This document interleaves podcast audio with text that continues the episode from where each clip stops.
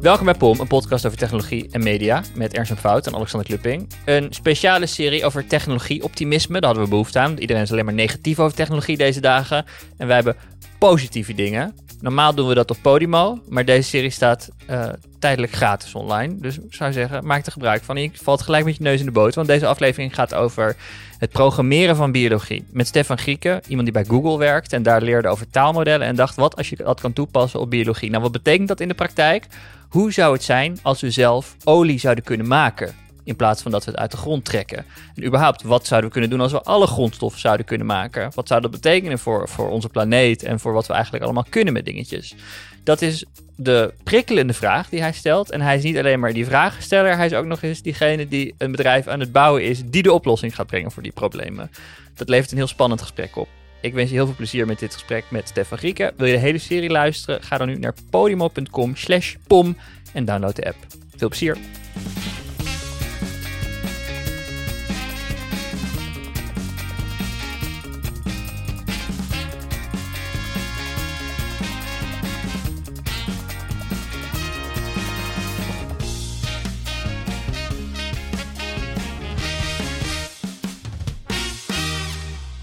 Stef, je hebt een indrukwekkend cv bij Google onder meer. Wat heb je bij Google gedaan? Ik ben uh, begonnen als software engineer. In eerste instantie op Aan het, wat?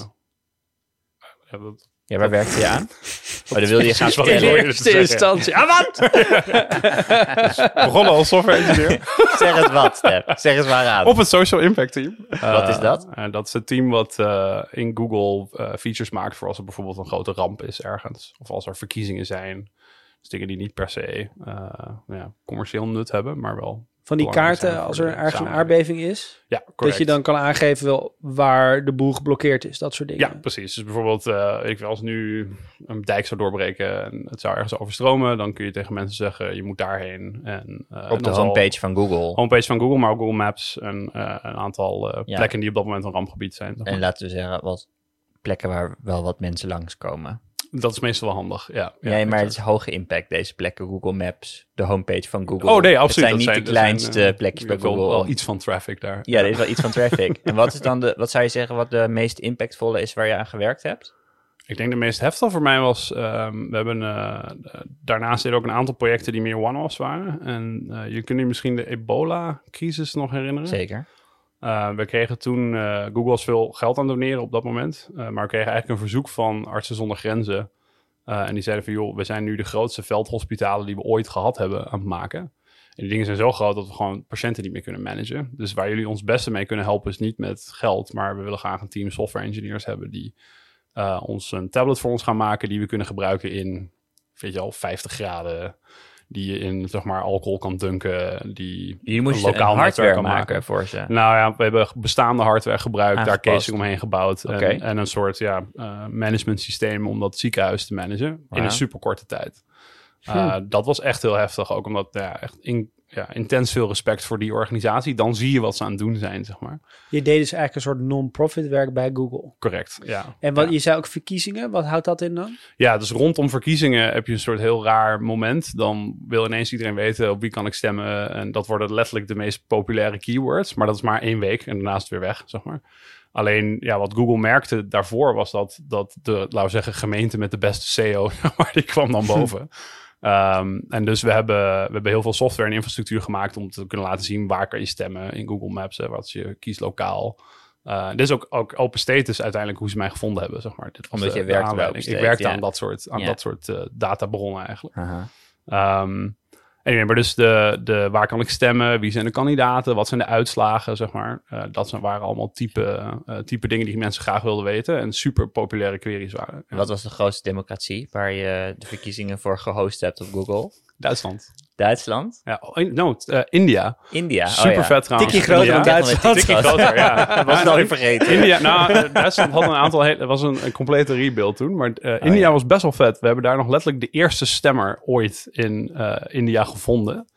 En dat kwam doordat um, uh, India was wild. Want je moest dus letterlijk bepaalde gebieden in waar nog met papier werd gestemd. En dan moesten, moesten er mensen, zeg maar, gaan overschrijven wie er op de ballot stonden en dat soort dingen. Oh ja.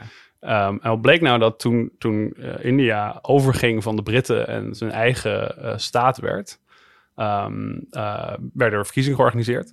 Ehm, eh, maar de, een aantal eh, gebieden die in de Himalaya's zitten, die mogen eerder stemmen, want die werden heel vaak ingesneeuwd. Ja, Eh, ja. Dus dan Hmm. konden ze dat doen. Nou, Oké. dus een team die daar dus de lijsten ging verzamelen, die kwamen een, ja, een, ou- een, een chief tegen, zeg maar, van een van die dorpen in de bergen daar.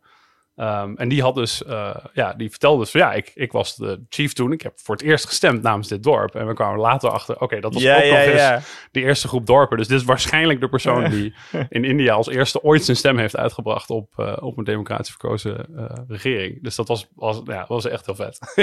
En jij zorgde dan voor een goede dashboard in, in Google resultaten. nou, nee, als software engineer zaten er verschillende dingen in. Dus datakwaliteit is natuurlijk super belangrijk bij verkiezingen. Je wil absoluut geen fouten maken in. in eh, Bij het tellen van de stemmen, toch? Want daar gaat nou, dit op over. allerlei dingen. hè. Dus dat zit hem in. Je wil niet een lijst presenteren en dat er kandidaten in staan die niet correct zijn. Juist. Oh, wacht Hè, even. Of Ik dat dacht de dat je, regio niet klopt. Alleen maar de ehm, weergave van zoekresultaten hebben van verkiezingen. Nee, nee, dus dat zijn die kleine kaartjes, zeg maar, die knowledge panels. Eh, dus in, in een verkiezingstijd, dan voordat er verkiezingen zijn, als je zou zoeken op, weet ik veel, Mark Rutte, dan Ja. krijg je een kaartje van Mark Rutte, die hoort bij de VVD, dit is wat de VVD vindt, et cetera, et cetera. Mhm. Ehm, en dan richting, eh, richt, op verkiezingsdag heb je een aantal features. Dus eentje is de kaart, zeg maar, van waar kan ik stemmen? Waar zijn mijn stembureaus, zeg maar. En alle regels is het toegankelijk voor mensen met een rolstoel, en et cetera, et cetera, et cetera.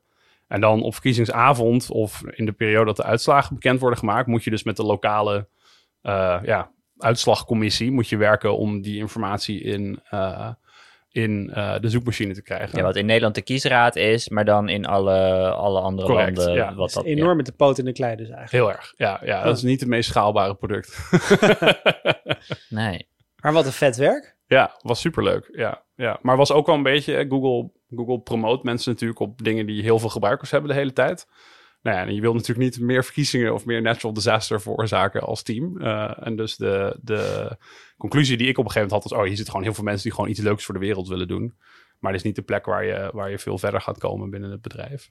En ik realiseerde me ook wel dat ik was niet de beste programmeur binnen Google. En dus... eh, ja, ik, ik ben gewoon iets hackier dan, dan de meeste. En je moet natuurlijk software schrijven die, ja, die traffic aankunnen. En als je dat efficiënter schrijft, scheelt dat echt heleboel servers. Uh, en dus al die detail, wat voor mij voelde als een beetje detaildiscussies, uh, vond ik niet zo leuk. Dus ik ben toen product manager geworden. Uh, in eerste instantie in Android. Dat is het team dat locatie en locatie insights deed. Dus dat is zeg maar op Android-telefoons, hoe verzamel je de locatie? En daarna zeg maar berekenen van waar zijn de files, hoe druk is het, weet je, die soort van gele vlekjes in de kaart Zeker. van is het busy. Mhm. Um, het team die eigenlijk de, de infrastructuur en de voorspellingen daaronder deed. Dus dat was super lachen. En, en uh, bijvoorbeeld leuk, leuk fun fact dat um, de eerste keer dat we dat probeerden, is, die, is dat vergeleken met het Nederlandse hoofdwegennet. Omdat dat het best beïnstrumenteerde netwerk in de wereld is. Beïnstrumenteerd qua sensoren. We hebben overal lussen en camera's en, en Oh, echt? Waterstaat. Ja, we hebben echt de, ja, de Mac Pro van de, Oh, echt? Van de wegen? Oh, wat Ja, grappig. absoluut, ja. En dus dat is een fijne eh, benchmark. Dan kun je het afzetten Precies. tegen... Ja. Oh, wauw. kun je dus vergelijken, klopt onze voorspelling een beetje van als de file hier begint. En eh, dan begint hij ook daar, want dat kun je natuurlijk uit die lusinformatie ook krijgen. Ehm, Nou, dus dat was heel Mooi leuk. land hebben goed van ons. Ja. Ja, nee, Wist ik niet, eh, maar toch fijn. Dank ja, aan Rijkswaterstaat. En waarom besloot je weg te gaan bij Google? Nou ja, eigenlijk eh, waren het twee dingen. Ehm, in mijn laatste baan zat ik in het eh, product leadership team van Google Research en Machine Intelligence. En daar was de focus voornamelijk op infrastructuur, een aantal toegepaste projecten eh, en developer tools. Dus zeg maar de software die mensen binnen Google gebruiken om machine learning modellen te trainen eh, en te kunnen gebruiken. Ehm, en er zat eh, in de toegepaste research hoek ehm, eh, werd heel veel onderzoek gedaan naar grote taalmodellen. En eh, je, je hebt waarschijnlijk al wel voorbeelden van grote image modellen hier besproken als DALI en, en dat soort dingen. Maar voor taal heb je die ook. En er was één teampje daar en die dacht, oh, misschien kunnen we die grote taalmodellen wel gebruiken op DNA. Want dat is ook een soort taal. Ehm, en dat idee vond ik echt fascinerend. Dus Uh, bij een taalmodel, ik neem aan dat je dat kan gebruiken voor bijvoorbeeld vertalingen. Of ja, dat die, GTP3 is een of voorbeeld dat van die een tekst taalmodel. zelf schrijft. Ja, correct. En dan maak jij de brug naar DNA. Hoe Ja. dan? Nou, omdat dat de, de DNA is een soort alien programmeertaal. Een alien programmeertaal. Ja, als in het is de binaire code van leven. En dus iedere, iedere Ja, cel heeft DNA. Dat is een soort van je harddisk. Ja. En die kun je uitvoeren. Dan wordt het RNA, zeg maar. Dus wordt het ge- uit, het, uit de harddisk gelezen en uitgevoerd. En dan is er een, een soort kleine squiggly, die heet de ribosoom. En die vouwt dan het RNA in een proteïne. Oh jezus, ik ben Stef nu wel kwijt. Het is 12 minuten. En ben al. Van tevoren zei je pas op ja, dat ik maar, niet technisch Ja, precies. Maar ieder proteïne heeft een andere functie. ja. En de DNA-code beschrijft wat voor vormpje dat, dat proteïne krijgt. Ja. En daarmee kun je de hele breedte van organische chemie maken. Zeg maar. Ja. Eh, en dus als je in staat bent om die programmeertaal te lezen, Ja. of te vertalen naar mensentaal, dan kun je het dus ook omdraaien en kun je instructies geven aan cellen om andere dingen te maken. Juist. Wat we Ah. met het COVID-vaccin hebben gezien. Precies. Ja, Een instructie aan DNA om iets te gaan doen. ja exact. Instructie aan de cel om in dit geval, eh, van, bij COVID was het de spike, zeg maar, het hoedje van, de, van, de, van het virus. En dat werd door je, ja, jullie, als jullie het gehad hebben, jullie eigen cellen, werd dat hoedje gemaakt. Dan dacht de cel, nou, ik weet niet wat ik hiermee moet. Je gooit het in je bloedbaan. Juist. En dan kwamen de witte, bloed, de witte bloedcellen gingen, gingen hem aanpakken. Maar het, precies dat concept van je kan DNA programmeren om iets synthetisch te doen.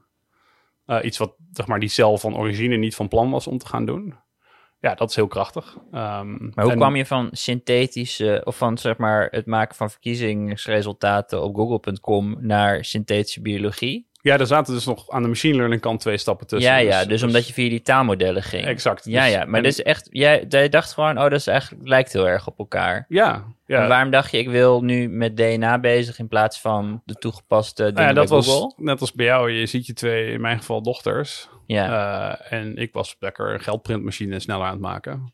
ja, ja. Eh, en ik dacht, holy shit, als we het zeg maar goedkoper en makkelijker maken voor mensen om medicijnen en materialen en nou ja, allerlei vormen van producten op een biologische manier te produceren, daar heeft de wereld veel meer aan eh, dan wat ik nu doe. Dus eh, dat was eigenlijk de, de aanleiding.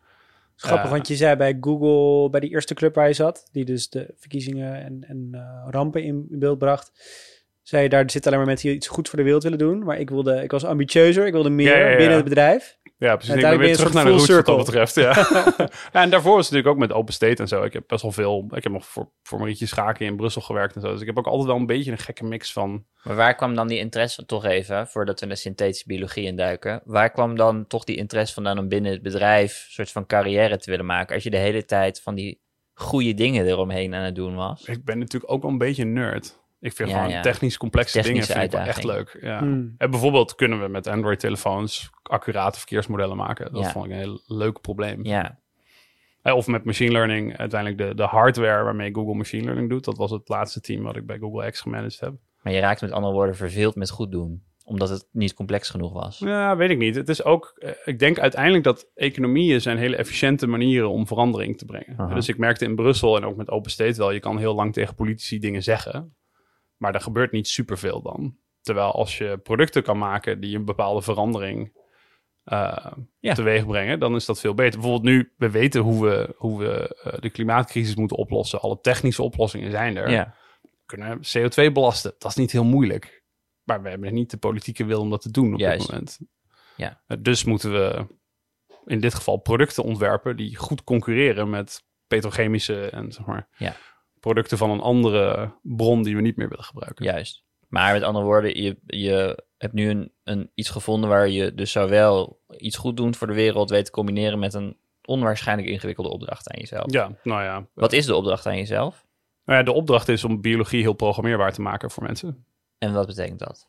Nou, ja, dat betekent dat, en net als dat mensen op een gegeven moment apps gingen maken en daar bedrijfjes omheen gingen bouwen, dat mensen celletjes, dus bugs gaan ontwerpen, die bepaalde producten maken. En ik kan een paar voorbeelden geven van dingen die al bestaan. Doe eens. Eh, er is een super vet bedrijf, dat heet Perfect Day.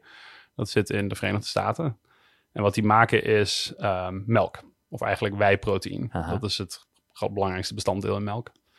En hoe ze dat gedaan hebben is niet door koeien, die we nu houden en waar we enorm veel oppervlak voor nodig hebben. En eh, weet je, alle, Klein alle stikstofprobleem hebben. klein stikstofprobleem, enorme eh, hoe heet dat? Eh, dierenwelzijnsproblemen. Ja. Dus, dus niet een hele efficiënte en ook een hele onprettige manier om melk te maken. Ja, Wat zij hebben gedaan, ze hebben een, eh, een, een eh, fungus, een eh, ja een schimmel. schimmel, dankjewel.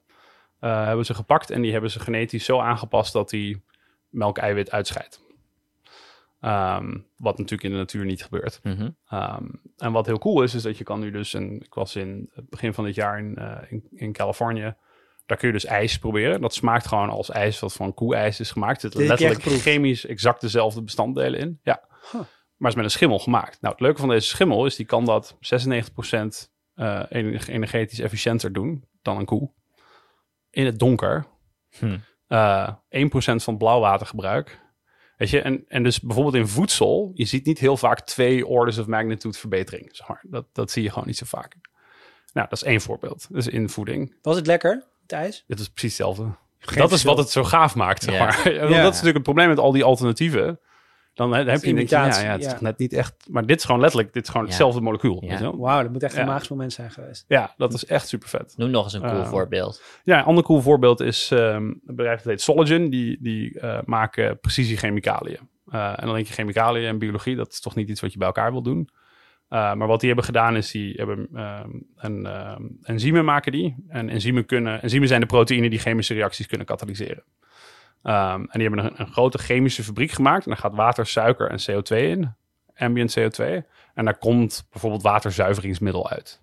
Oké. Uh, en andere chemicaliën, waar bijvoorbeeld BASF uh, nu petrochemische, die kraken. Juist. Zeg Juist. maar. um, uh, dat is een nou ja, super vet voorbeeld. En ze zijn inmiddels al zes andere chemicaliën aan het maken, die dus uit een biologische oorsprong komen. En die letterlijk, deze fabriek is carbon negative, zeg maar, heeft carbon als input nodig, zeg maar. Ja. Zoals alle andere dingen die leven, of vele dingen die leven, zeg maar. Begrijp ik Ehm. het goed als jij dus een soort operating system wil maken voor biologie? Ja, of een ontwerpsysteem. Ontwerpsysteem. Ja, dus het makkelijker maken voor dit soort mensen om dat soort producten te kunnen uh, maken. Want waarom is dat nu moeilijk dan? Ik, bedoel, ik begrijp dat het fucking moeilijk is, maar wat is, wat is daar nu moeilijk dan specifiek? Ja, nou, dus eigenlijk als je het vergelijkt met het internet, is dat we hebben, uh, we hebben programmeertalen als mensen ontworpen. En we hebben dus manieren om te zeggen, weet je wel, maak een knopje, voer deze logica uit. En dat soort dingen daarna worden binair en dan regelt de computer dingen verder voor ons. Met biologie is het een beetje andersom. Dus we hebben een soort programmeertaal gevonden, maar niemand heeft ooit verteld hoe je menselijke instructies kan geven aan die programmeertaal. Ja. Nou, dus hoe hebben biologen dat gedaan? Letterlijk, ja, door de eeuwen heen zijn ze dingen, noemen ze annoteren. Dus zijn ze zeg maar stukjes DNA, hebben zijn ze experimenten gaan doen. Ze, oh, dit doet dat, zeg maar. En dus, uh, uh, ja, dat is, dat is hoe we nu biologie voornamelijk En even begrijpen. zodat ik het goed begrijp, je hebt DNA, dat lees je uit, dan, dan doe je iets en dan vera- verandert dan het DNA. En is dat dan de aantekening die je erbij maakt? Of Nee, nee, is- sorry. Dus, dus wat biologen hebben gedaan, dus stel je voor je wil begrijpen hoe um, het hoedje van COVID werkt. Ja. Nou, wat je dan kan doen is bijvoorbeeld het hoedje. En je zou bijvoorbeeld willen weten, als ik de temperatuur verander, valt dan het hoedje uit elkaar of niet? Uh, wat je dan kan doen is je kan honderd keer het hoedje maken, in een klein buisje stoppen en dan rustig de temperatuur verhogen. Nou, dan weet je iets over dat stukje DNA. Namelijk op, weet ik veel, 70 graden valt het uit elkaar.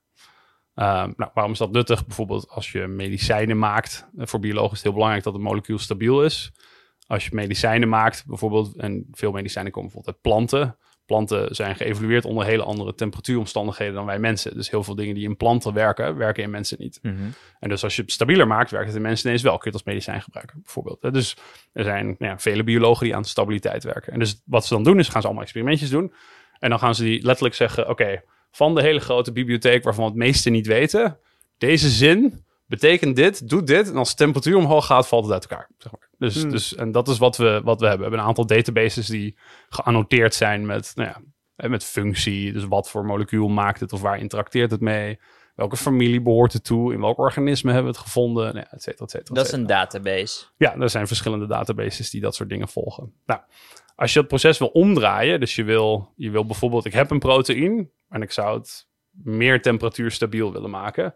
De manier waarop dat nu eigenlijk gebeurt is vrij random. Dus de meeste methoden zijn, gaan gewoon een beetje bitjes flippen. Zeg maar, gaan wat C'tjes en T'tjes veranderen en, en kijken wat er dan gebeurt. Nou, maar, maar dat begrijp ik niet. Want je hebt iets in een reageerbuisje, dat heeft een bepaalde DNA-code. Hoe kan je dan die, die letters veranderen? Nou, je kan DNA gewoon bestellen. Uh, dus je kan een andere serie letters bestellen van uh, een leverancier. En die kun je in een cel brengen en kijken wat er gebeurt. Dus net als dat je de sequentie van het COVID-vaccin gewoon kan aanpassen. We hebben nu allerlei varianten van dat vaccin. Die hebben letterlijk een andere RNA-code. En die maken een iets ander hoedje. Dus eindeloos uitproberen. Eindeloos uitproberen. Dat is precies het antwoord. En dus hè, de, mijn favoriete quote van een biotech-ondernemer was... 99,9% van mijn experimenten in het lab werken niet. Ik weet alleen niet welke 99,9%. Zeg maar. En dat is belangrijk, want als je dus probeert een product te maken met biologie... dan, dan is dus een heel groot deel van je budget en je tijd... gaat zitten in dingen die niet werken. Nou, wat die, ehm, wat die machine learning uiteindelijk doet, is het veel makkelijker maken om te zeggen, een beetje net als DALI, waar je een prompt geeft van, hey, geef mij, weet ik veel, een plaatje van bekende podcasters in Nederland in een studio. Ehm, Krijg je twee mannen te zien. ja, krijg je twee, twee mannen te zien. mannen. Yep, In de dertig. dat zijn wij. Yep. Ehm, eh, kun je je voorstellen dat in ons geval zeggen we, hier is een sequentie, we willen graag dat de temperatuur omhoog gaat. En dus wat er bij ons uitkomt is niet een plaatje, maar is een andere sequentie die waarschijnlijk helpt om die temperatuur te verhogen. Of om met een ander molecuul te binden. Of nou, alle dingen die je als bioloog zou willen kunnen ontwerpen aan een proteïne. Maar er zit dan dus de aanname in dat waar nu mensen dat met de hand brute forcen, eigenlijk zelf de hele tijd verschillende codes bestellen om er dan in te brengen, om te testen of het werkt, dat een machine learning model van al die testen kan leren wat waarschijnlijk het beste Ja, is. of om sterker nog, kan voorspellen welke vrij- wijzigingen je moet doen om tot jouw ontwerpresultaat te komen. Juist. Juist. Want da- hoe gebeurt dat dan? Hoe, hoe, wat doet, wat, wat, hoe werkt die machine learning dat uiteindelijk de juiste uitkomst eruit komt? Hoe die dat weet. Ja, eindeloos wat dingen erop afsturen? Ja, of zo? dus, dus eigenlijk wat we hebben gedaan is, eh, als, je, als je DNA ziet als een taal, dan kun je, eh, dan zou je je kunnen voorstellen dat je een machine learning model kan trainen die kan leren of het waarschijnlijk is dat een sequentie correct is of niet, of natuurlijk is of niet. Dus bijvoorbeeld, ik zou jullie 100.000 pagina's Zweeds kunnen laten zien, Ja. waarna je snapt, oké, dit is hoe goed Zweeds eruit ziet. zeg maar. Ja. Ja. En dus dan kun je zeggen 90% Zweeds, zeg maar. Ja. Uh, als ik je dan ineens Duits geef, dan is het nou 60% Zweeds. Ja. Weet je, dan geef ik je Chinees, dus ja, ja nee, nee, Ja. nee, dat moet je niet doen. En je kan waarschijnlijk misschien ook zeggen, niet Zweeds, dit stuk is niet Zweeds, dit stuk is niet Zweeds, zeg maar. Ja, dit kunnen wij. Ja, dat is een beetje de taal van proteïne. Dus het eerste model wat we hebben, een soort van enorm groot taalmodel à la GTP. Wat, wat we gedaan hebben, is gewoon, we halen iedere keer een C'tje, een T'tje, een A'tje, een G'tje weg en vragen aan het model, schat wat hier zou moeten staan. Zeg maar. Of als het een zin zou zijn, dan zou Juist. ik zeggen, Ernst Jan is een bekende bliep. En dan zegt de computer bakker. Dan zeggen bad computer, weet je wel. Podcaster, yay, weet je wel. Journalist, yay, weet je. En dan krijg je punten voor goed schatten wat de volgende ding in de sequentie zou Ja, dit is zijn. het grappige. Ik denk dat veel mensen dat niet weten van überhaupt van hoe die taalmodellen werken. Is namelijk dat dat ding van zichzelf leert door zichzelf de hele tijd quizjes te geven. Precies. Het ja, is als precies. vroeger bij, bij taal dat je een zin kreeg met een streepje eronder met drie multiple choice antwoorden. Exact. Alleen heeft hij het antwoord al, maar het is bijna alsof hij het met een blinddoek opleest en dan exact. kijken of het is Ja. echt alsof een student die, die iets een taal aan het leren is. Ja, exact. Ja. Ja. En dat kun je dus ook en dat doen. kun je dus ook doen met, met zoiets DNA. als proteïne. Ja, Ja. ik snap het. Exact. Oké. Exact. Ik ben heel trots op mezelf dat ik dit begrijp. Ja, nee, dat is echt super. Ja, En wat unlockt dit allemaal? Als je dit Ernst wel even naar het einde. ja. Allemaal leuk en We aardig. willen gewoon lekker door. Even weer beeld, hebben we eraan? Ja, precies. We zijn pas bij stap BNR-gesprek 1. wordt Ja. Ja. Oké, wat, wat, hebben, wat hebben we hier aan? Uncalled for. Wat er, wat er uiteindelijk gebeurt is dat het aantal experimenten wat biologen doen in het laboratorium als ze een proteïne proberen te maken, de kans dat ze iets vinden gaat omhoog. En daarmee gaat dus de kosten om iets te ontwerpen gaan sterk naar beneden. Ja. En dus voor ons zou succes zijn dat, eh, laten we zeggen, over vijf jaar mensen, net als dat ze vroeger apps aan het pitchen waren aan VC's, bugs aan het pitchen zijn aan VC's, omdat je voor 5 miljoen een, weet ik veel, een product kan maken wat eh, petflessen afbreekt. Of wat eh, collageen maakt zonder een dier. Of wat. Oké, maar deze gaat heel snel. Dus laten we petflessen afbreken, pakken als, als basis.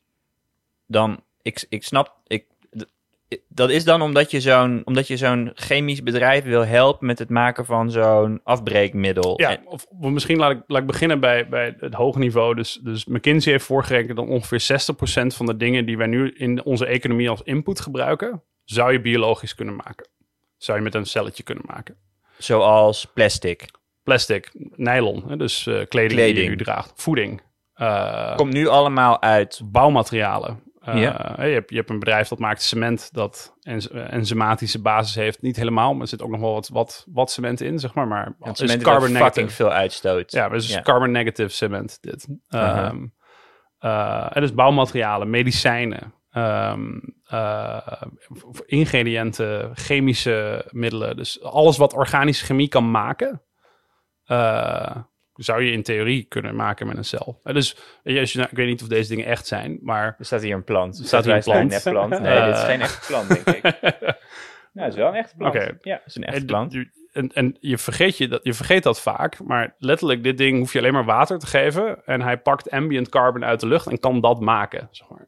Ja, ja, op kamertemperatuur. Ja. Zonder dat je naar om hoeft te kijken. En waarschijnlijk geven jullie hem niet Eigenlijk goed water. bizar, weet je wel? Nee, nee. Eigenlijk bizar, zeg Ja. maar, dat dat kan. Hè? En dus stel je voor dat je dat ineens eh, kan programmeren, zeg maar. Eh, Dan hebben we veel minder grondstoffen nodig. Ja, veel minder. Ja. En, en de, hè, dus om, om een aantal, eh, waarom zou je dat willen, biologisch? Eerst is de, de inputs zijn natuurlijke dingen. Dat zijn suikers, carbon, zeg maar, de water. Dingen die niet toxisch zijn. We hoeven niet de dingen uit de diepte van de aarde op te boren om dat te doen. Eh, tweede is dat de natuur is heel efficiënt in dit doen. Hè, Dus het aantal eh, afvalstoffen dat uit een gemiddeld biologisch proces komt, is bijna nul. Juist. En het laatste is dus energetisch vaak een van de meest efficiënte manieren om het te doen. Want evolutie heeft miljarden jaren de tijd gehad om het meest e- energetisch efficiënte proces te vinden om een bepaalde chemische reactie te doen. Ehm, en dus ja, ik denk dat dit een, een, eh, een hele belangrijke transitie gaat worden om ja, 60% van wat, waar we nu olie voor gebruiken, dieren voor gebruiken. Maar als ik je eh, goed begrijp, is dat maar een deel van wat dit oplevert. Het oplossen van grondstoffen. Ja, en je kan daarnaast bijvoorbeeld ook dingen doen die gewoon betere producten zijn, die op dit moment niet toegankelijk zijn voor klassieke, klassieke chemicaliën. Bijvoorbeeld lijmen. Ja, we weten uit de natuur dat spinnen, zeg maar, adhesieven kunnen maken die echt dramatisch veel beter zijn. Spider-Man gaat Nou ja, werkelijkheid dat worden. gaat over hopelijk 40 jaar. eh, ja, eh, zie ik dat echt wel gebeuren. Ja. Dus mijn aan Spider-Man verslaafde oudste kind gaat dit nog meemaken. Ik denk het wel. Ja, Hm. dat denk ik wel. Ik denk ook wel dat we moeten. Hè, anders, eh, ja, we kunnen op deze manier niet doorgaan met, met olie verbranden. Zeg Maar dat gaat gewoon niet. Nee, dus in, in vermindering van uitstoot is het één. En gebruik van fossiele brandstof is het er één. Maar eigenlijk zeg je dus, en daar, daar gaat die App Store vergelijking waarschijnlijk op. Op het moment dat je mensen de mogelijkheid geeft om zelf biologie te maken, kan je een App Store laten ontstaan van. Ja, if En, you will. en met ja. App Store betekent toegankelijker. Dus het is niet alleen maar Bas F die iets kan maken, maar. Ja, dus je kan eens fermentatie kun je op veel kleinere schaal gaan doen. Of, of eh, ik kan me een wereld voorstellen waarin dat gewoon een opleiding wordt naast landbouw en, en tuinbouw. Eh, Fermentatie? Ja, want dat is hoe je dit maakt. Uiteindelijk gooi je al die celletjes in een groter fermenta fermentatieding. Ja, je gooit de suiker gat. bij en, en het spulletje komt eruit, zeg maar. En, maar het is niet het idee dat, dat iedereen dit in zijn achtertuin doet. Nee, dat denk ik niet. Ik denk dat je dat nog steeds op enige schaal gaat doen. Maar je kan het bijvoorbeeld veel lokaler doen. Want ja, olie moet je van uit, uit de bodem halen. Maar Ja. eh, laten we zeggen, GFT-afval kun je op de meeste plekken in de wereld wel vinden. Want dat is waar je uiteindelijk suiker uithaalt. Ja. Eh, dus je kan veel lokaler gaan produceren. Eh, je hebt minder lange transportlijnen nodig. Je bent veel flexibeler. ehm, maar goed, dus, dus Maar dat is een toekomst die eh, ik zie. Ja. Jij stond eh, in dat kantoortje bij Google eh, met machine learning, eh, ta- met taalmodellen. En toen dacht je, oh, we kunnen dit ook voor DNA gebruiken. En visualiseerde je dit toen allemaal al? Of wanneer viel dit Nou, kwartje? ik ben, dit kwartje viel toen ik ging inlezen in wat gebeurt er eigenlijk al in synthetische biologie. Want, want voor machine learning heb je een aantal dingen nodig. Je hebt heel veel data nodig, bijvoorbeeld. Nou, dan kom je erachter dat DNA lezen en schrijven, dat is ook een soort Moore's Law, zeg maar. Dat wordt steeds goedkoper. Mhm. Nou, dat is goed, zeg maar. Ik ben als met ik denk, ongeveer 100 biologen ben gaan interviewen met de vraag van, goh, wat doe je nou de hele dag? Je bent 100 biologen gaan interviewen. Ja, eh, en, en een soort van waar loop je tegenaan? En dan kom je erachter dat ja, zij zitten echt nog een beetje. eh, dus ze, ze- wat, het werk wat ze doen is echt briljant. Zeg maar. Het zijn hele slimme mensen. Alleen veel van de tooling die ze hebben om dit te doen, die, ja, die is, laten we zeggen, niet het allerbeste geschreven, eh, niet het meest gebruiksvriendelijke. Ehm, Namelijk? Het zijn heel vaak door, door PhD's en postdocs die gefinancierd zijn door, weet je wel, een een of andere eh, fonds. En die doen dus dingen die wetenschappelijk helemaal correct zijn, maar niet de meest gebruiksvriendelijke software is. Maar gewoon lelijke Windows-meuk. Ja, nou ja, veel van. Ik denk dat de vergelijking die goed opgaat is. Als je in de jaren negentig, zeg maar, een, eh, een webproduct zou willen maken. wat je over de wereld zou willen kunnen distribueren. Ja, dan had je dat dus letterlijk de hele stack zelf moeten bouwen. Juist. En dat is wat je heel veel ziet Juist. in bedrijven die veel met biologie bezig zijn. Ehm, In tegenstelling tot nu, waarbij je gewoon een paar libraries bij elkaar... ja, Je hebt letterlijk een cloud ding, je hebt de Ja. Shopify ding. Ja, het is letterlijk payments is geregeld, Juist. hosting is geregeld, distributie is geregeld. Zeg maar, dus heel veel van, die, van dat soort dingen zijn Mhm. georganiseerd. En je ziet eigenlijk dat biologie nu een beetje in zo'n transitie zit waarin dat ook gebeurt. Dus je hebt bijvoorbeeld laprobots nu, eentje die, die wij super vet vinden, Opentrons. Ja, dat is eigenlijk een soort 3D-printer, maar die is dan de hele tijd DNA aan het verplaatsen en experimenten aan het verplaatsen en dat soort dingen. Want als je wil brute forcen, dan wil je wel dat een robotje dat voor Ja, je exact. doet. Dus, en je ziet dat die dingen, die waren tien jaar geleden, ja, waren die gewoon onbetaalbaar. Nu kun je ze voor bijna niks kopen, omdat ze lijken op 3D-printers. En, en, eh, En die doen dus dat schrijven waar je het net over had. die Het- doen alle experimentjes, ja. Ja, Dus jij interviewde 100 biologen en je kwam erachter, zij zetten eigenlijk waar, je, waar we in de jaren 90 met webontwikkeling waren. Je moet alles nog zelf doen. Ja. En daar, kan je iets, daar kon je iets voor betekenen, dacht je. ja, precies. En vooral de, de, de statistiek die ik shocking vond, was dat de meeste biologen ook zeiden, ja, het is een hele messy en complex proces, zeg maar. En je maakt gewoon heel veel fouten. En als je dan ging vragen hoe vaak dan, ja, er zijn gewoon niet heel veel disciplines waar, zeg maar, de meerderheid van de dingen die je doet meestal niet werkt. ja. Ehm, en als je dat met voorspelling enigszins kan oplossen. Kijk, weet je, de, de, de, heel veel. ehm, ik denk dat machine learning ook inherent goed past bij de soort van messiness van biologie. Hè? Dus waar wiskunde een hele fijne manier is om, om natuurkundige processen te beschrijven. En die zijn allemaal heel mooi clean, zeg maar. Hè? Dus planeten doen, doen precies wat ze moeten doen, zeg maar. Biologie is gewoon, er zijn zoveel uitzonderingen overal. En dit is juist een plek waar machine learning echt kan shinen. Omdat die heel erg in staat is om te begrijpen hoe al die kleine veranderingetjes met elkaar te maken hebben. Iets wat mensen intuïtief veel minder goed kunnen. Dus als je een bioloog soort van ML superpowers kan geven, ja, dan kunnen ze, kunnen ze dingen ontwerpen die, die een veel grotere kans hebben op succes dan, dan dat ze dat nu hebben. En wat ik dus hoop is inderdaad, in plaats van dat het 40 miljoen kost om zo'n product te ontwerpen. en Omdat je eindeloos moet market fit brute. Precies. Hoop ik dat dat kan naar 4, 4 miljoen. Maar heb je die robots dan nog wel nodig als jullie met een suggestie komen? Zo van, dit is de code die je moet Je hebben. moet natuurlijk nog steeds, eh, het model moet moet- nog steeds leren over jouw lokale probleem. Zeg maar. Oh ja. Ehm, maar ja, zeker het, het aantal experimenten wat je nodig hebt om tot een resultaat te komen, dat kan significant naar beneden. Ja, Ik vind het zo'n, eh, het lijkt me zo'n intimiderend eh, beeld dat je voor, voor jezelf geschetst hebt. Dus je was, je was heel ambitieus, je interviewde 100 biologen erover, maar dan vervolgens dit gaan aanpakken. Vond je dat niet ontzettend intimiderend?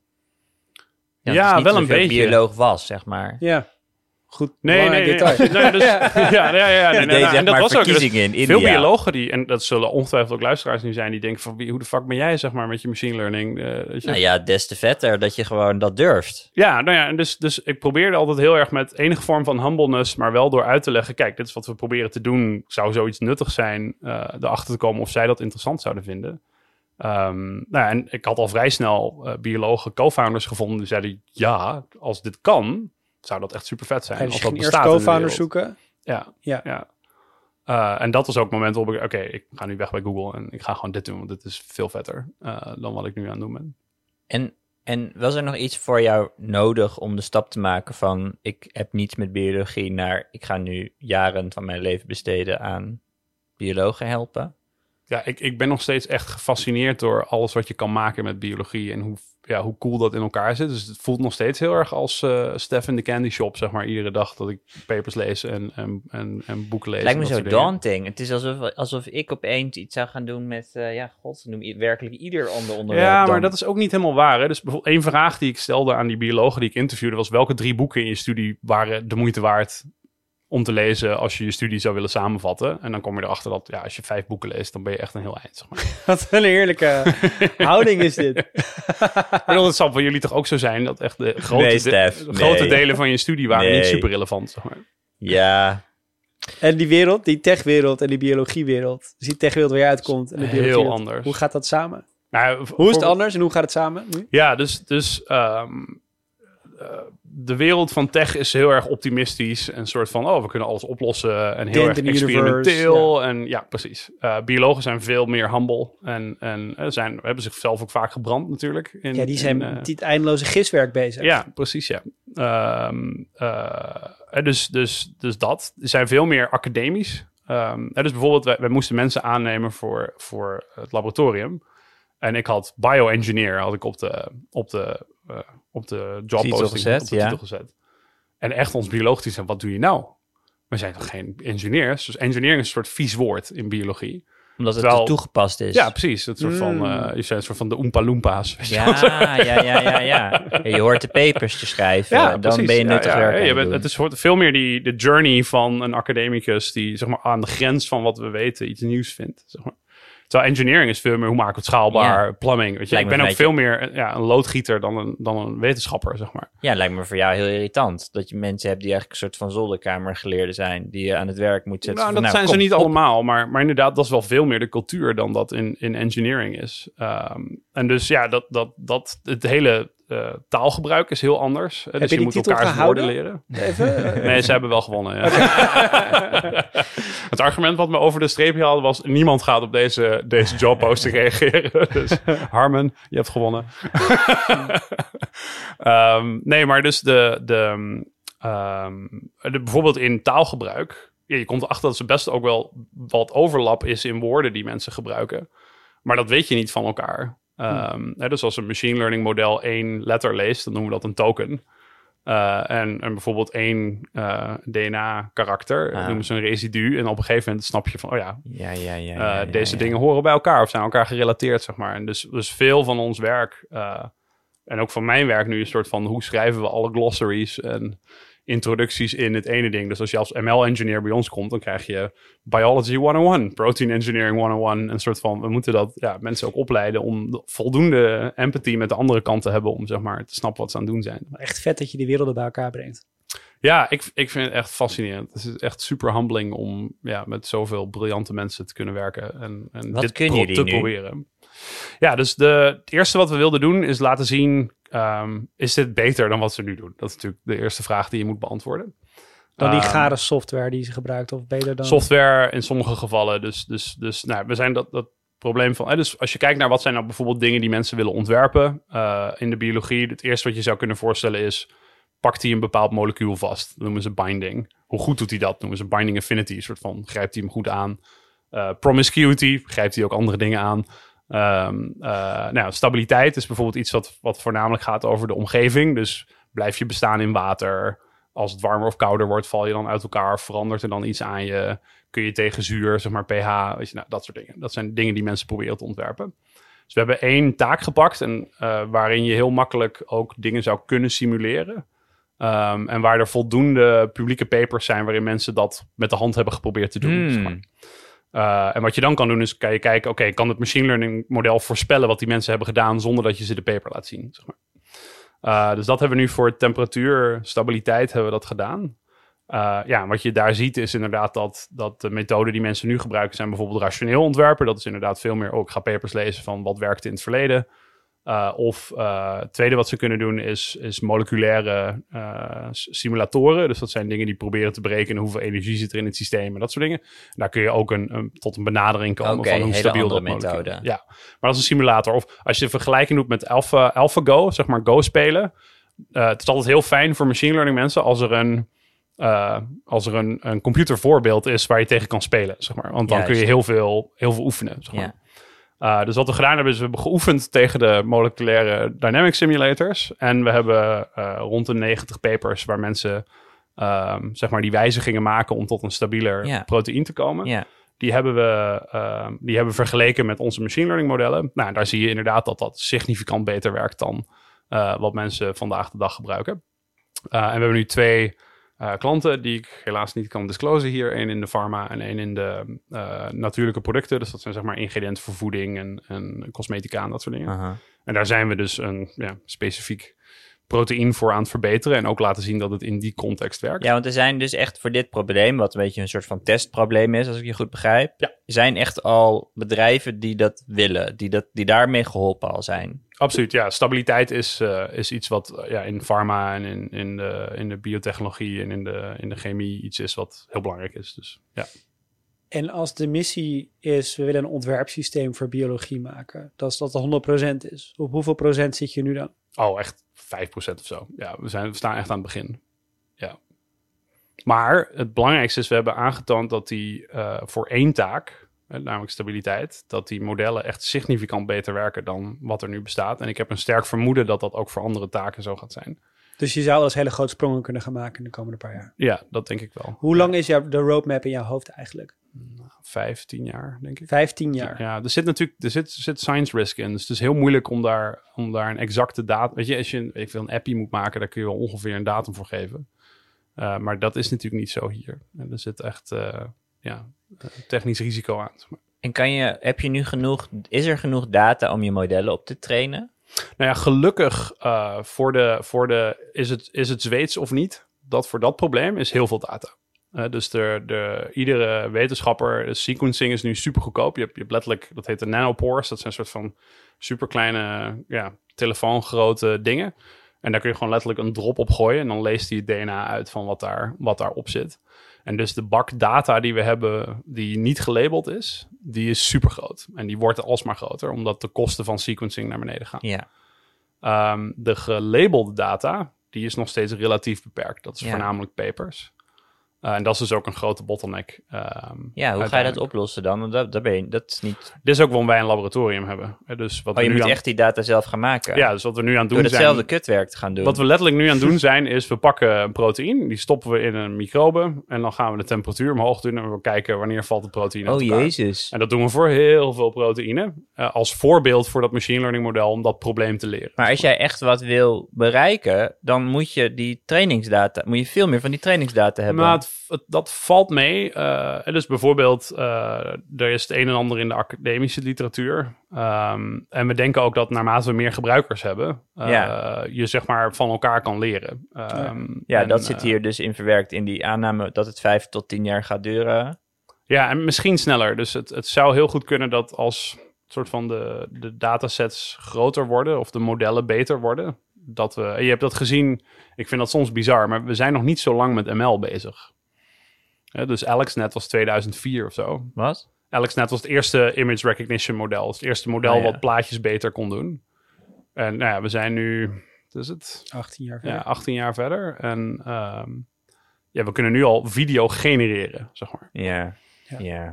Ehm, Ja. hè, dus, dus de snelheid waarmee de ontwikkeling ook gaat. eh, dus AlphaFold is een goed eh, voorbeeld van een product van DeepMind. eh, wat ook een probleem in de biologie heeft opgelost. Wat vaak werd gezien als iets wat heel moeilijk oplosbaar is.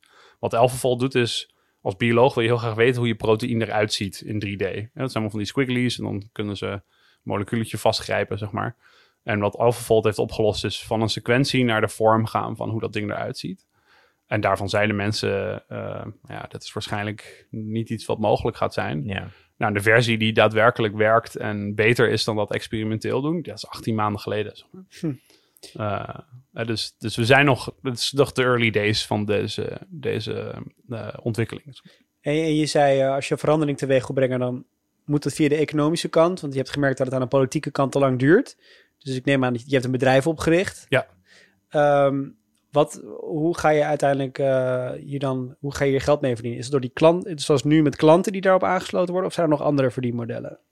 Ja, dus het liefst, eh, het liefst inderdaad eh, subscription. Dus je kan gewoon betalen voor toegang tot de software, dus in het web. En je kan het gewoon gebruiken in je lab. En ja, we sturen je gewoon eh, je creditcardrekening iedere, iedere maand. Alsof Dat je de. Adobe Creative Suite hebt misschien, Ja, ja, precies. inderdaad. Misschien gewoon Figma, maar ja. Ja. Fair enough. ja, ja. Nee, dat is het liefste wat we zouden doen. Ja. Ik vind het zo vet dat je het voorstellingsvermogen had om bij Google in zo'n kantoortje dit te visualiseren. Dat je denkt, oh wacht, we kunnen natuurlijk ook gewoon biologie gaan programmeren. Ja, En daar vervolgens ook naar gehandeld hebt. Ja Hoe lang je- is dat geleden dat je die realisatie had? Ehm, ja, het kwam een beetje. eh, eh, dus we, ik wist natuurlijk vanuit Google waar DeepMind mee bezig was. En ik zag de resultaten van AlphaFold. En ik zag de resultaten van een aantal teams binnen research. En toen dacht ik, ja, dit, dit gaat gewoon gebeuren. Dit, iemand gaat dit doen. Juist. Want het is obvious. Je ziet de resultaten. Ehm, eh, ja, en, en de, de rest is history, zeg maar. Voor mij was het, voelt het misschien... Het, voor veel mensen voelt het misschien meer als science fiction dan het voor Ja, mij voelt. Zeg maar. Dat brengt me eigenlijk wel naar mijn volgende vraag ook. Van, heb je het idee dat mensen door, dat mensen, mensen zoals wij, de- Alexander en ik. en- Eenvoudige schoenenlapper. Ja, precies. dat wij doorhebben wat er allemaal gebeurt. Hoe, als, je, als je een normale, normale nieuwswebsite of een normale krant openslaat, kom je hier dingen over tegen? Of gebeurt dit allemaal op de achtergrond. Nou, ja, steeds meer. Hè? Dus bijvoorbeeld eh, Biden die heeft net eh, een heel ja, initiatief aangekondigd... waarin een deel van dat, dat eh, geld wat ze beschikbaar stellen... om de economie weer aan te zwengelen... dat gaat naar dit gebied, naar synthetische biologie. Mhm. En dat is een heleboel geld. Um, je ziet het in China gebeuren. Ik denk dat COVID heeft geholpen. Dat mensen Ja. zich ineens realiseerden... oh, wacht, Vet. Je kan zeg maar synthetische vaccins maken... en je kan letterlijk instructies in mensen inspuiten... zodat de mensen zelf hun medicijn maken. zeg Dat was prima PR. Ja. Ja. dat is voor denk ik het algemene begrip van dat dit conceptualiseerbaar is, zeg maar, dat dit kan, denk ik heel belangrijk. Ehm, en nou ja, ik denk dat nu eh, dat een, de combinatie van goedkoop kunnen lezen van DNA, goedkoop kunnen schrijven van DNA en straks hopelijk makkelijk kunnen voorspellen wat je gaat maken, dat die, dringen, drie, die drie dingen bij elkaar eh, ervoor gaan zorgen dat dit heel veel vaart gaat nemen. Ik denk wel dat de aandacht ervoor is relatief klein nog ten opzichte van de potentie ervan. Dus eh, als we het over klimaatverandering hebben, hebben we het eigenlijk alleen maar over energie. En we vergeten voor de grap even dat plastic, nylon, weet je, al onze kleding, weet je, dat er zijn zoveel dingen waar we nu ook, eh, ja, zeg maar, De aarde mee slopen. de aarde mee slopen. Mm. Eh, het dieren, dieren houden. Nou ja, de hoeveelheid landoppervlak wat we nu gebruiken, volgens mij is meer dan 20% van het bewoonbare aardoppervlak gebruiken we om dieren te houden. Dat is natuurlijk waanzin. Ehm, nou ja, en, en, en ja, daar moeten we wat mee. En ik, ik denk oprecht dat dit, eh, ja, in ieder geval mijn bet is ik, dat dit eh, in de komende 20 jaar een enorme vaart gaat nemen. En is, het, is er ook een scenario in je hoofd dat het niet gaat lukken? Ja, tuurlijk, dat kan absoluut. Maar goed, je, je moet een beetje risico nemen. Dat, dat was Waar zou met, dat dan eh, in zitten en dat het te complex is of zo? Dat kan, ja, dat kan. Dus, dus, ehm, eh, het kan zijn dat het niet generaliseert. Dus dat het heel goed werkt op hele specifieke taken, maar niet op alle taken. Ja, ja. En bepaalde belangrijke taken niet werken. Dus dat de machine learning algoritme er niks mee kan, omdat het toch te willekeurig is. Ja, correct. Ja. Eh, ik denk ook zeker dat bijvoorbeeld het niveau van cellen, daar zijn we echt nog lang niet. Zeg maar. Dus het nie- proteïentjes zijn zeg maar de kleine machientjes die in de cellen zitten. Aha. Maar de hele cel, dat is nog steeds zo complex. Daar, Hm. dat gaat echt nog wel decades duren voordat we daar zijn. Ehm, Om toch maar de BNR-vraag te stellen, of ik weet niet, eigenlijk niet wat een BNR-vraag is, maar ik voel me verplicht om deze vraag te stellen. Vind je het ook eng? je moet absoluut heel goed de safety kant eh Dat is toch afdekken. geen BNR-vraag. Dat is toch een hele legitieme Ja, vraag. dat is een hele legitieme vraag. Vind je Ja. het ook eng? Nou ja, je moet absoluut niet de baddies enge dingen laten doen. Dat geldt natuurlijk voor machine learning. Eh, dat geldt, ja, geldt eigenlijk voor iedere technologie. Ja, maar biologie is tikkie intiemer. Het is intiemer. Er zijn een paar dingen die denk ik wel belangrijk zijn. Eh, mensen, het beeld wat mensen hebben... eh, Het beeld van nu- nucleaire technologie is altijd wat mensen hebben... is een soort van Godzilla en enge en Spider-Man en dat soort dingen. Want we dachten toen nog... radiation zorgt voor superpowers. Turns out, radiation zorgt nou voor hele dode dingen, zeg maar. Ik ben zo'n Ehm, boek aan het lezen, dat gaat, science fiction boek, en dat gaat over dat, dat er overal in de wereld biolabs zijn waar mensen eh, van die virussen maken die, eh, ja, gewoon, gewoon alles, als je ervan uitgaat dat je DNA kan programmeren en je kan het verspreiden met virussen, dan is er op een gegeven moment een soort FBI die biolabs oprolt. Ja, Eh, precies. En een soort van de democratisering van synthetische biologie is misschien... Nou ja, dus de, de, wat wel belangrijk is om aan te geven... is dat we zitten nu dus nog heel erg op het niveau van proteïne. En proteïnen zijn niet levend, quote-unquote... in de zin van ze kunnen zichzelf niet vermenigvuldigen. Als je hele cellen zou kunnen gaan doen... eh, en die goed zou kunnen simuleren... dan zou je hele enge dingen kunnen maken. Dat gezegd hebbende, dat kan al. Eh, Ja. Dus, dus ja, met, zie COVID. Met voldoende geld... Dat eh, over, over China. dat lab. Ja, maar precies. Hè, met voldoende geld en wil kun je, kun je bestaande ja, ziektes kun je, kun je aan gaan passen en dat soort dingen. Ja. Ehm, gelukkig is, de, is biologie niet nieuw. Hè, bijvoorbeeld biopharma bestaat al echt vet lang. Eh, dus bijvoorbeeld als ik soort van evil DNA zou bestellen. Dus DNA waar, wat op een lijst zou kunnen staan van... oh, dit zou misschien viraal kunnen zijn. Of dit zou misschien iets anders kunnen zijn Op de dark web. dan, dan belt zeg maar onze. Hè, dus toen wij onze contracten aangingen met onze leverancier voor DNA, dan moet je de biosafety eh clausules tekenen. En daar staat in: ik ga geen gekke dingen doen. En als wij zien dat je probeert iets geks te doen, eh, dan eh, bellen we de politie. Zeg maar. Dus er zijn al best wel veel mechanismen in de biologie op dit moment. Om veiligheid van, eh, van dit soort eh, technologieën eh, te Een waarborgen. soort zelfregulerende industrie. op dat vlak dan.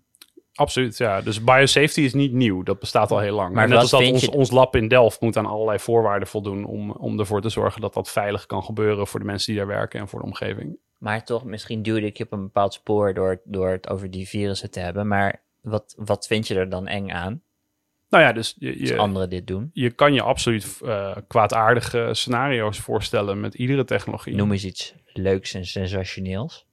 Ja, nee, eh, bijvoorbeeld je kan een bestaand virus zou je kunnen maken... en die zou je beter kunnen maken. Ja. Ehm, Super COVID. om maar iets te noemen. Ja. En dus wat je moet doen is als leverancier van software, is kijken wie zijn je gebruikers, wat proberen ze te doen. Ja. En als ze enge dingen doen, dan moet je dat heel zeggen, doei. Ik las dus een interview Dus met die dude Sp- van... Spam en abuse is ook iets in, eh, in biologie. maar. Ja, ja mooi. ik las dus een interview met die, volgens mij heet die William McCaskill, die, die dude van eh, de, hoe heet dat nou? Die, die alt altruism, effective altruism. Ja. Die zei dus, ja, re- re- regeringen houden veel te weinig rekening mee dat, dat zo'n zo'n bio-ramp iets zou zijn. En die zei dus, je moet, regeringen zouden grotten moeten maken waar je wetenschappers in kan zetten, zodat ze kunnen werken aan een vaccin, terwijl de rest van de wereld ligt te creperen. Want dit gaat gewoon gebeuren. Het feit dat het niet is gebeurd in de afgelopen jaren, moet je zien als een soort van interbellum. Heb je al een grot, Stef? ja, we gaan jou wel in. Zwitserland. Ik wil met jou in die grot. Volgens mij bij de hoogste dichtheid bunkers van, eh, van heel Europa. Dus Ja. eh, we zijn erop voorbereid. Maar- nee, kijk, ehm, ik denk als er één ding is wat COVID ons heeft geleerd, eh, is dat de snelheid waarmee we. eh, en ik denk dat weinig mensen zich dit realiseren, maar dus het vaccin is ontworpen. En, en de productie om het globaal te distribueren in zeg maar 8 tot 10 maanden. Ja. Dat- probeer er eens over na te denken. Nee, ik een weet, ik zag nieuwe, nieuwe medicijntechnologie, ja. nieuw product. Ik zag zo'n staatje En de van bij al- manufacturing, bij, alle andere vaccins, dat is een soort van minimaal 10 jaar, maar de meeste van die Ja. dingen zijn 40 jaar lang. Precies, Ja. precies. Maar dit is dus wel allemaal fermentatie. Het is allemaal precies dezelfde mechanismen. zeg maar. Ja. Eh, en dus je kan je voorstellen dat je veel meer producten relatief snel met de goede wil de markt in zou kunnen brengen. Ik denk dat de reden, dus eigenlijk een verlengde op jouw vraag, Ernst, over hoe, hoe lees je hierover in de krant? Gewoon, we kunnen ons niet eens scenario's voorstellen. Laat staan dat we, dat, dat de gemiddelde Nederlander, wij eenvoudige schoenlappers. Het is nog science fiction Het niveau. is allemaal science fiction niveau. Ja. Ja. Maar dat is zo vet aan, en dat is ook denk ik, de achterliggende vraag van Ernst, namelijk hoezo kwam je tot, hoezo kom je tot het soort van zelfvertrouwen bijna, om dan Maar, toch dat, zoiets maar te dat is gaan natuurlijk doen? met, met any, zeg maar, eh, wat is ook weer de quote? Any, any, eh, any interesting and advanced technology is indistinguishable from magic. zeg maar. Eh, Dat, ja, dat is zo. ja. Maar en dat wel- geldt voor machine learning natuurlijk ook. Dat, Ja, misschien. Maar en, en misschien is het dan het feit dat je bij Google zat en tussen allemaal mensen zat die daadwerkelijk soort van 3D-modelletjes van Absoluut. Ik proteïne aan ben, het ben maken Google waren. ontzettend dankbaar eh, dat ik daar heb mogen werken. En, en aan de research kant, zeg maar. Dat zijn ja, echt briljante mensen. En ja, voor hun is het allemaal heel normaal om hierover na te denken en mee bezig te zijn. Ja, god, ik... eh, ja, dan loop je gewoon rond, zeg maar. Jij, jij, jij kwam er ook. Ik weet nog wel dat je ooit met, met, eh, met de, achter een self-driving car aanrende voor ons gebouw langs. Ja, ik- en de parallel is daar, want ik ben de wereld gaan Met een verbeteren. door te cameraploeg. pod- door- Ja, ja, die, mooie documentaire. ik ben de wereld gaan verbeteren met Hey, podcasten. stel- Dus het is vertel nou- eigenlijk precies hetzelfde. Stel je ervoor dat je de politiek terug in gaat en je wordt, eh, we hebben premier van Grieken. Ik Hoe- denk niet dat dat een goed idee is, als ik heel... Maar een gedachte-experiment. ja. En eh, je krijgt een portefeuille synthetische biologie op je bureau ja. in het katshuis. Of in Ministerie. het torentje. Ministerie voor Synthetische Biologie. Ja, Lijkt me Voor leuk. biologische zaken. Wat Oh, worden vet. je eh, speerpunten? Als dat, als dat ministerie nu zou bestaan, is de vraag. Ja, Ja, Ja. dit is een gedachte-experiment. Ja, zeker. Nou, ik denk de eerste is dus dat we moeten, we moeten die industrie versnellen. Ehm tweede is we moeten zorgen dat dat veilig gebeurt. Ehm, en ik denk het derde is dat er best nog wat educatie te doen is. Dat klinkt wel als een politicus. ja. Ehm, Even de Ja. puntjes Ja. en dan nu toelichten. ja, en dan nu Lekker. Oké. Het is gewoon geen partij waar je toch bij wil. Anyway, ehm, eh, nummer één, eh, wat ik zou doen is de drempel om dit soort producten te maken versnellen. Zou je bijvoorbeeld kunnen doen door ehm, meer te investeren in, ehm, laten we zeggen, infrastructuur voor startups. En dat is echt anders dan voor digitale producten. En ja, hier kun je echt letterlijk op iedere zolderkamer in Amsterdam iets doen. En biologie kun je niet gewoon in je badkuip gaan doen. zeg maar. Nee. Dus je hebt laboratoria nodig, voorzieningen nodig om dat te doen. Oké. Je hebt in Delft bijvoorbeeld Planet Bio. Daar zitten wij ook. Dat is echt een vette, vet ding. Maar die, die groeien letterlijk de hele tijd uit hun... eh het is echt vechten om, Maar vechten dat om lab vierkante meters. Maar dat is een WeWork voor labs. Ja, zo'n WeWork voor, voor biotechbedrijven. Oké. Ja. Eh, ik denk dat we dat moeten doen. Tweede is, eh, er moet meer geld naartoe. De meeste VC's, zeker in Europa, dat is allemaal, weet je wel, SaaS en eh, software as a service en appjes en zo.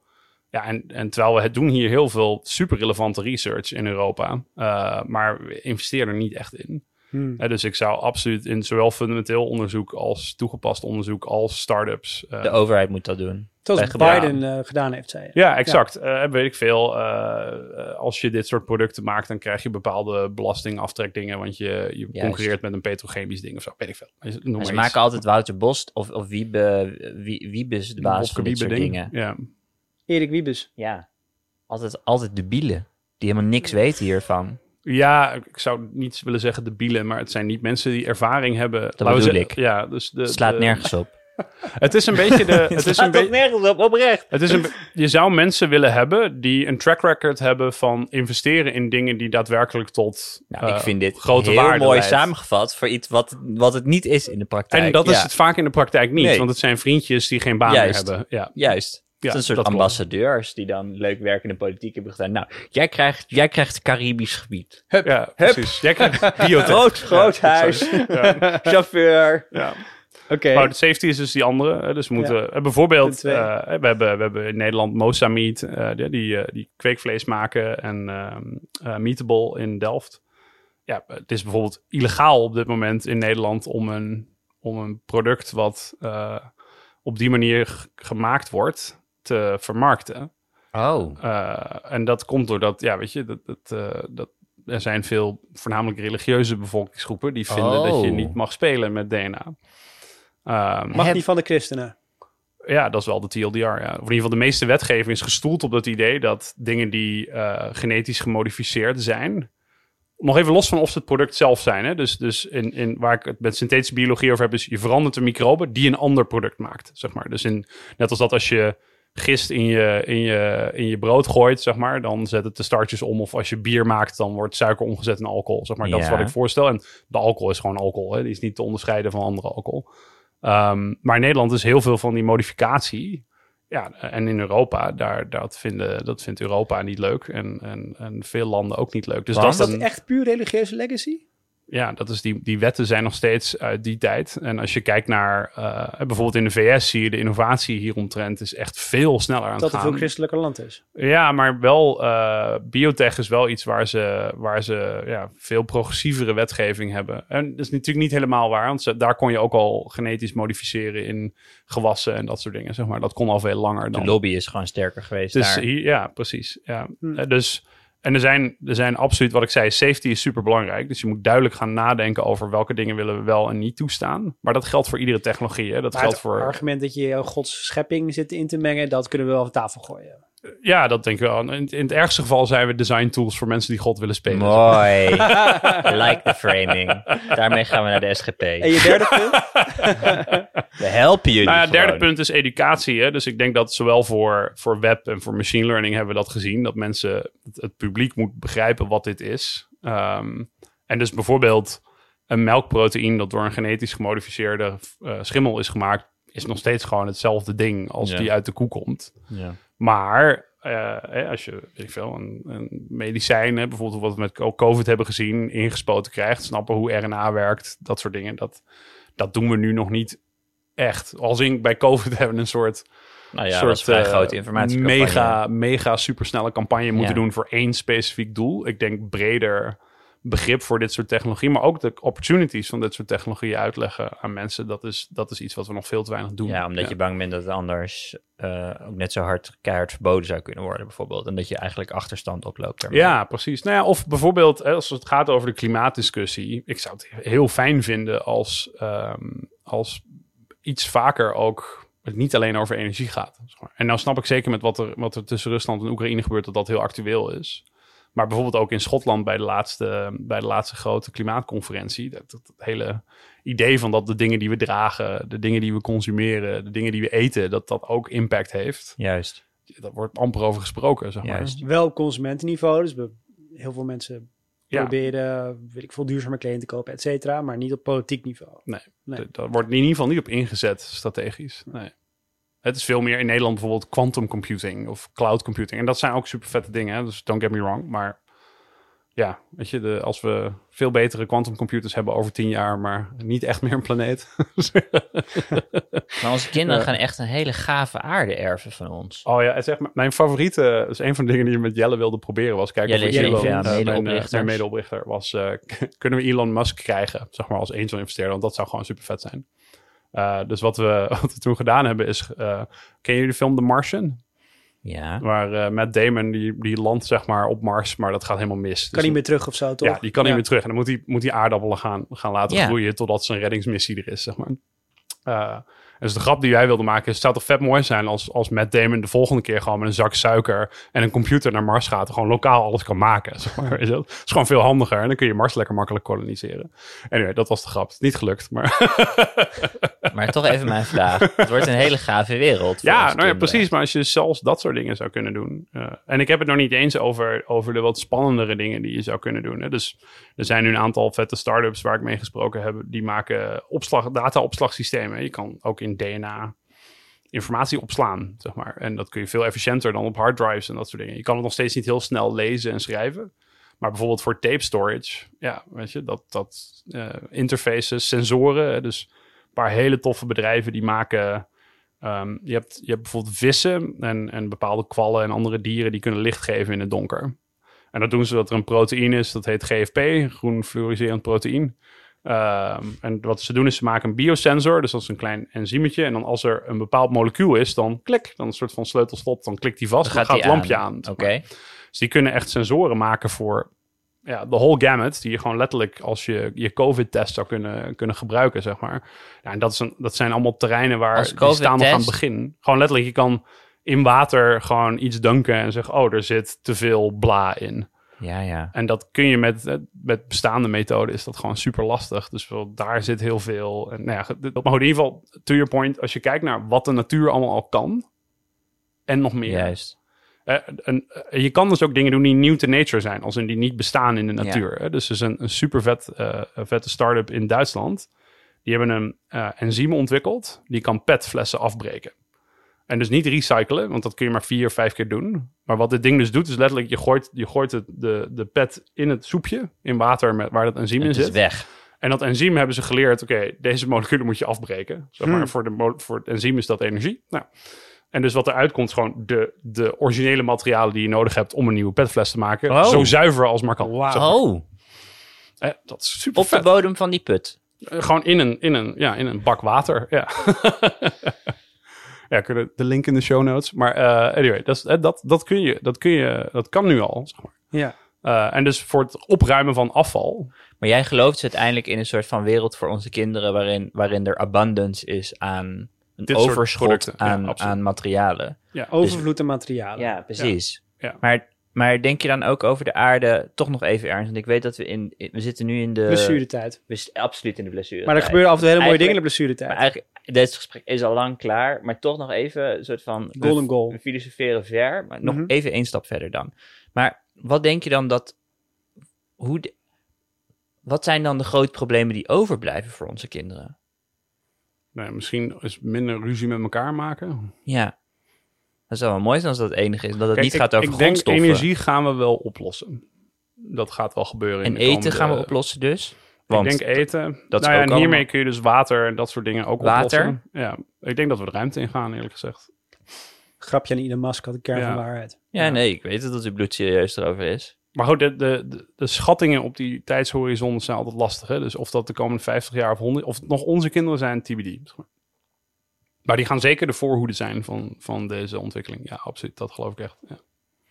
Dankjewel, Stef. Heel veel dank. Je hebt eh, een hoop nieuwe deurtjes geopend. ja, In, in ieder geval mijn hoofd en ik denk ook de hoofd van de luisteraar. dankjewel. Thanks. Ja, leuk dat ik er mocht zijn. Dit was POM, programma van Ernst en Fout. En van Alexander Klupping. Alexander Klupping. En een team dat een aanvult. Bianca Schrijver voert de redactie doet de opnameleiding. We horen bij dag en nacht. Dat is van Podimo. Huisstijl is van Verve. De studio waar we in zitten is van Detail. En Weer de- mooier geworden. Ja, de Als je camera's. video kijkt, achter ons is een gradient die in, de in onze huisstijl is. Nou, dat voegt toch een hoop toe. Eh Tune is van Tumblr. Wie de memes maakt op Instagram is geheim. En we zien je graag binnenkort weer terug.